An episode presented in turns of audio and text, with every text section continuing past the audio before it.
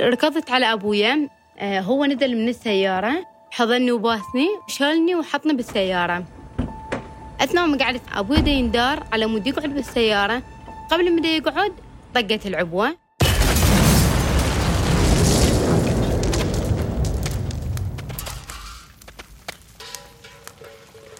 في لحظة غفلة في سيارة الأب تنفجر عبوة ناسفة.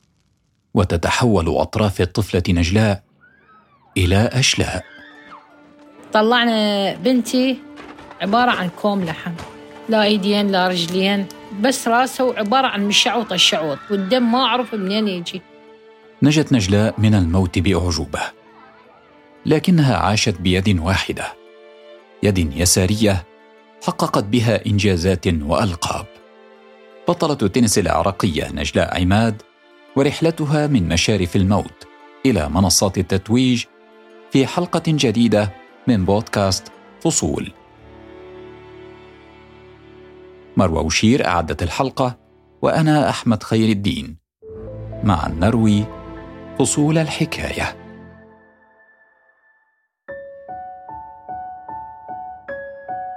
طبعا عندنا مثل عراقي يقول البنية دلوعت أبوها. آه، أمي وخواتي كان دائما يسولفوا لي. أنا كنت المفضلة عند أبويا وكنت كان أبوي دائما يجيب لي ألعاب وخاصة من يروح للدوام.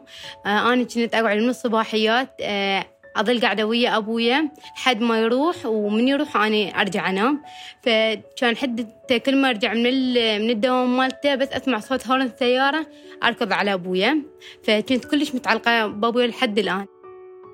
نجلاء عماد شابة عراقية تبلغ من العمر اليوم 17 عاما.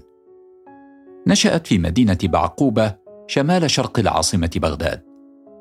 تستحضر طفولتها حين كانت في الثالثة من العمر. أبويا كان كل ما يجي من الدوام يجيب لي آه، لعابات إكسسوارات مال أطفال يعني كل جيت من الدوام يجيب لي شيء فرحني بيه. والد نجلاء كان جنديا في قاعدة عراقية أمريكية. كان متكفلا بعائلة من سبعة أبناء يعيشون ظروفا صعبة بسبب الحرب. لكن أبسط الأشياء كانت تسعد نجلاء. إلى أن جاء التاسع عشر من إبريل 2008 يوم سيقلب حياتها للأبد.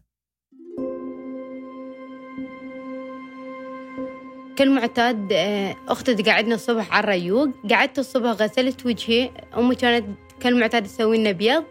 قعدت تريقت سمعت الهورن ما سيارة أبويا. فأم قالت لي كملي أكل وبعدين روح على أبوك. ركضت على أبويا. آه، هو نزل من السيارة. جاء علي حضني وباسني. ووراها أبوي شالني وحطني بالسيارة. بضع ثوان فقط استدار فيها والد نجلاء لركوب السيارة. ومع أول خطوة انفجرت السيارة.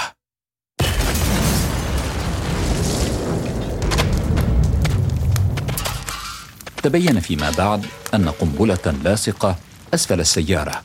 كانت سبب الانفجار وأنها كانت تستهدف والد نجلاء عماد لفته. أثناء ما قعدت أبوي دا يندار على مود يقعد بالسيارة. مدر قبل ما يقعد طقت العبوة. آه، ما حسيت نفسي إلا بالمستشفى فاقده إيدي اليمنى وأطراف سفلى اثنيناتن هذا آخر ما تتذكره نجلاء. أما والدتها آمال صالح فلا تزال تستحضر بحرقة مشهد الانفجار. وكيف تم انتشال ابنتها من السيارة بلا أطراف؟ يعني الصينية قدامنا مال ريوق سمعنا الانفجار. قلبي وجعني. قمت أدور على أطفالي لأن أنا عندي كانوا سبع أطفال. أدور على بناتي كليتهم شفتهم بس نجلة ماكو. نزلنا قمنا أصيح نجلة نجلة نجلة. أبوها قال نجلة صعدت بالسيارة. أنا وأبوها انطفينا بالسيارة والجوارين والعالم بالمنطقة. طلعنا بنتي عبارة عن كوم لحم. لا إيدين لا رجلين. بس راسه وعبارة عن مشعوط الشعوط. والدم ما أعرف منين يجي. منين ما مش دم. وهيك بس لحمة حسبالك لحمة شايلة بداية. نقلت نجلاء على وجه السرعة إلى المستشفى. كانت قد فقدت الكثير من الدم وأدخلت فورا إلى غرفة العمليات.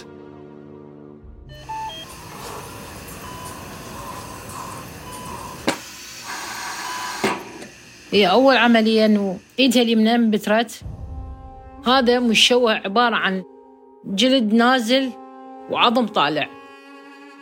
القدم تشف ماكو؟ يعني نقول الكعب مال الرجل.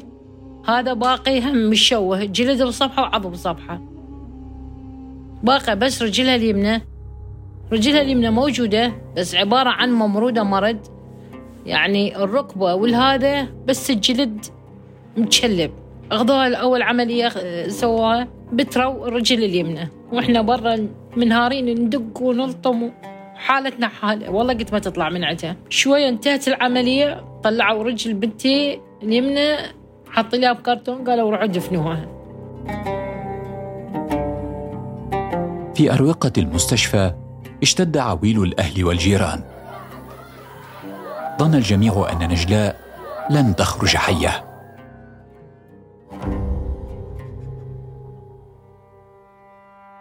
لكن رمقا من حياة يسكن جسد الطفلة.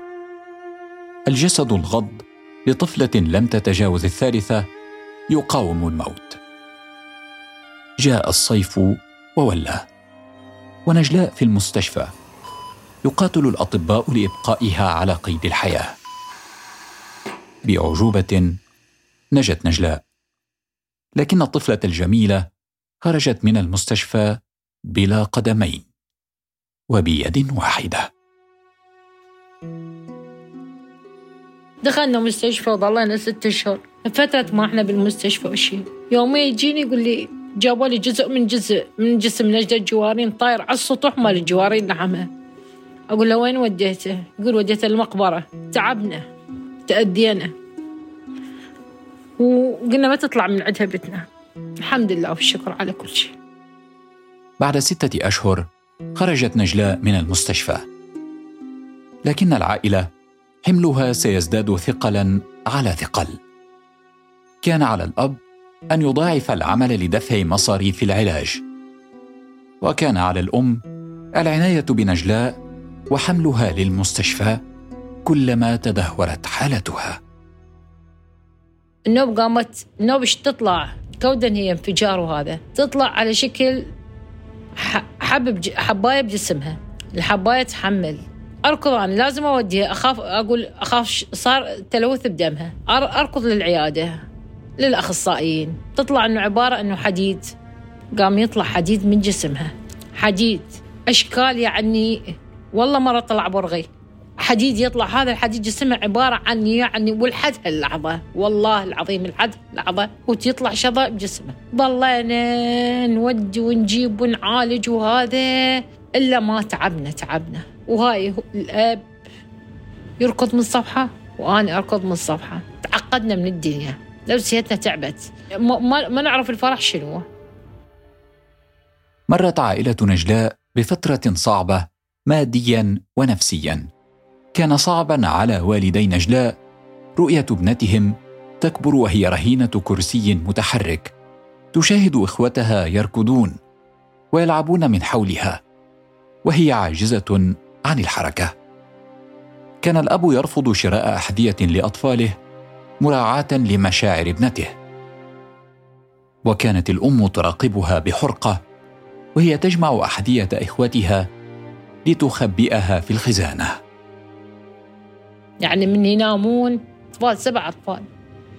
يعني هي من دونهم عبارة عن كأنه طفل بلقماط ملموم أشوفهم نايمين كليتهم وهي هيك شيء حجم صغير بيناتهم. وصلت الحالة بيا إنه انهيار عصبي صار عندي. يعني شر باو على خوانها خواتها يعني صلوات يكبرون ويمشون.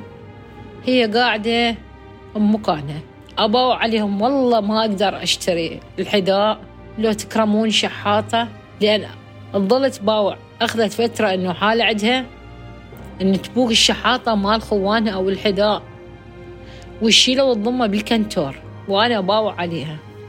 وتخلي خوانها يبكون ويدورون على أحذيتهم وشحاطاتهم وأنا أدري بيد أسوي هيجي. وأسكت أقول لهم هاي ماكو ضاعت هاي برا بالشارع عفتوها. عودنا نفسنا وتعودنا على هذا القهر. نذوقه ونشوفه كله نحسه بكل دقيقة.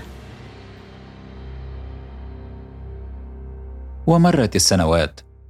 بلغت نجلاء السادسة من عمرها واضطرت العائلة لتسجيلها في مدرسة خاصة بعد أن رفضت في المدرسة العادية لأربع سنوات. ظلت والدتها تحملها يوميا على يديها لإيصالها وإرجاعها من المدرسة. وخوفا من التنمر حرمت نجلاء من اللعب في الشارع. كانت الكرة صديقتها الوحيدة. تلقيها على جدار البيت وتسترجعها لتلقيها مجددا. أربع سنوات ونجلاء على ذات الحال إلى أن دق الفرج الباب على يدي مدرب رياضي في 2015 دق الباب قال أريد أشوفها. أنا مدرب مال مانضدة وهذا وأريد أطلعها من هذا الشيء اللي هي بيه. أنا يعني صراحة من قال لي هذا الكلام قلت له أستاذ ما تقدر. قال لا خليها هي هسه إيش تسوي ما تسوي. قلت له والله مجرد إنه قاعدة قال شلون تلعب شلون تصرف بالبيت قلت له والله عندها طوبه تضرب الحائط بس مجرد إنه هي بس هاي اللعبة. لأن تطلع برا الجهال يظلون يتنمرون عليها ويعيبون عليها. ها أنت ما عندك إيد وانت ما عندك رجل. هاي تظل تبكي أقول هي ما الله كريم باكر إحنا كلنا نروح يا رب العالمين وذني رجع ذني أمانات يا رب العالمين. هذا كله يرجع لك.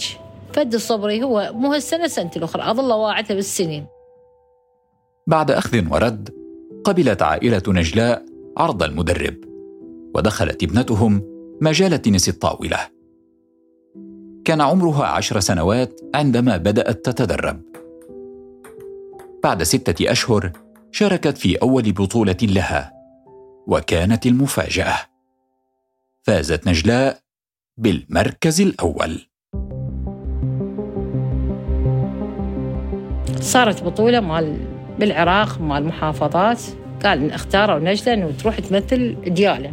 فما شاء الله أول لعبة هي لعبتها. الحمد لله فازت جابت مركز أول على المحافظات كلها. يعني هذا الشيء خلاني هذا تعبي كله نسيته.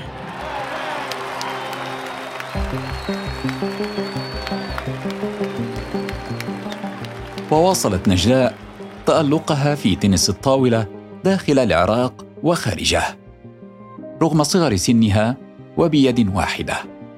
حققت ابنة العراق القابا وإنجازات وانتصرت على لاعبات يساوي عمرهن الرياضي عمرها كله.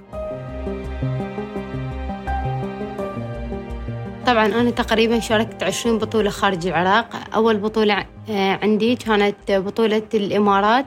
حصلت بها مركز ثاني كانت غرب آسيا ومن بعدها بطولة تايلاند الدولية حصلت بها مركز ثالث. من بعدها شاركت أول بطولة لي بالوقوف بالأطراف الصناعية آه، بالأردن حصلت بها مركز أول بطولة دولية.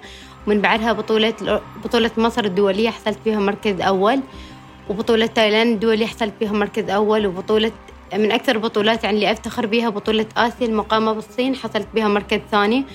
وعلى المتقدمين آه، قدرت آه، أغلب لاعبات عمرهن الرياضي عاد العمر الكلي. كان عمر وقتها 14 سنة. حصلت بها مركز ثاني وكنت أصغر لاعبة تنافس بهاي البطولة.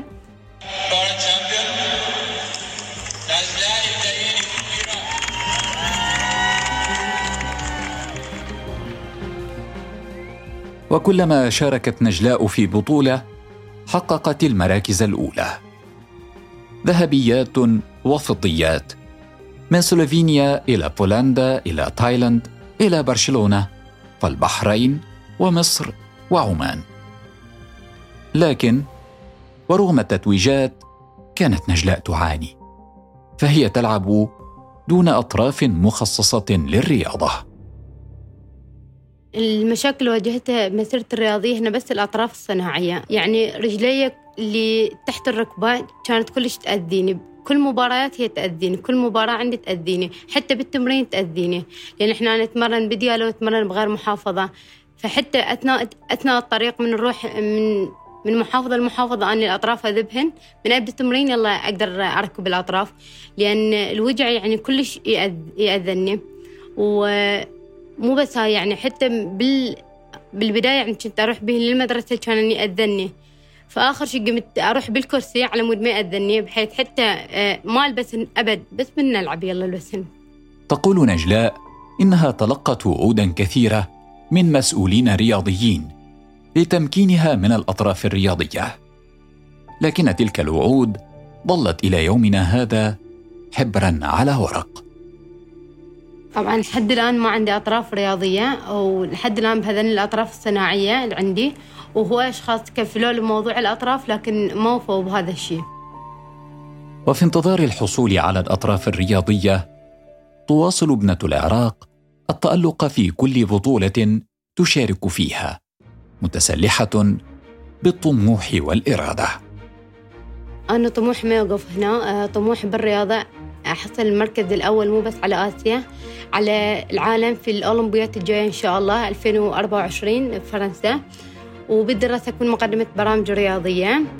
والمنافسات اللي البطولات اللي عندي إن شاء الله بطولة تايلاند بشهر الثامن ومن بعدها بطولة العالم برشلونة بشهر 11 تجوب نجلاء العالم لتشرف العراق وترفع رايته. حياتها الواعية كلها مسيرة ألم. لكنه مسيرة تحد أيضا وفي التحدي رسالة. الله سبحانه وتعالى أخذ من عندي شيء لكن عوضنا بهواي أشياء عوضنا بإرادة عوضنا بقوة عوضنا بهيك عائلة دعمتني وساندتني.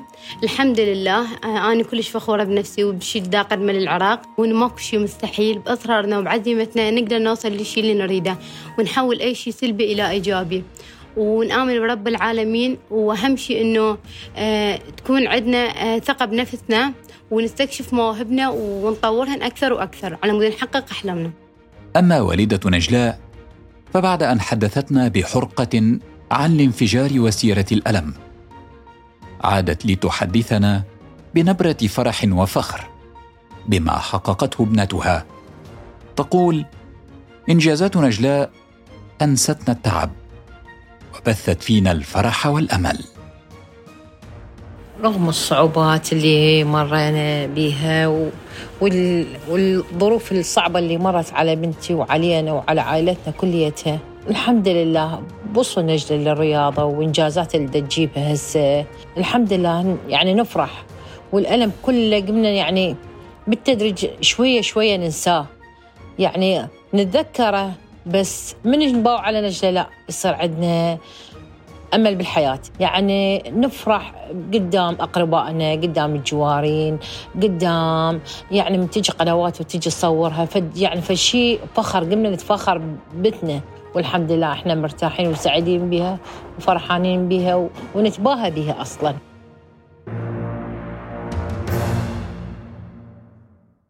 بسبب الحرب خسرت نجلاء ثلاثة من أطرافها لكن طموحها وتشبثها بالحياة. جعلها اليوم مصدر إلهام وفخر مثبتة أن الأبطال الحقيقيين يصنعون من أشياء عميقة في داخلهم. هي الإرادة والحلم والرؤية. هذه أجمل تحيات مروى وشير وأنا أحمد خير الدين. معا نروي فصول الحكاية.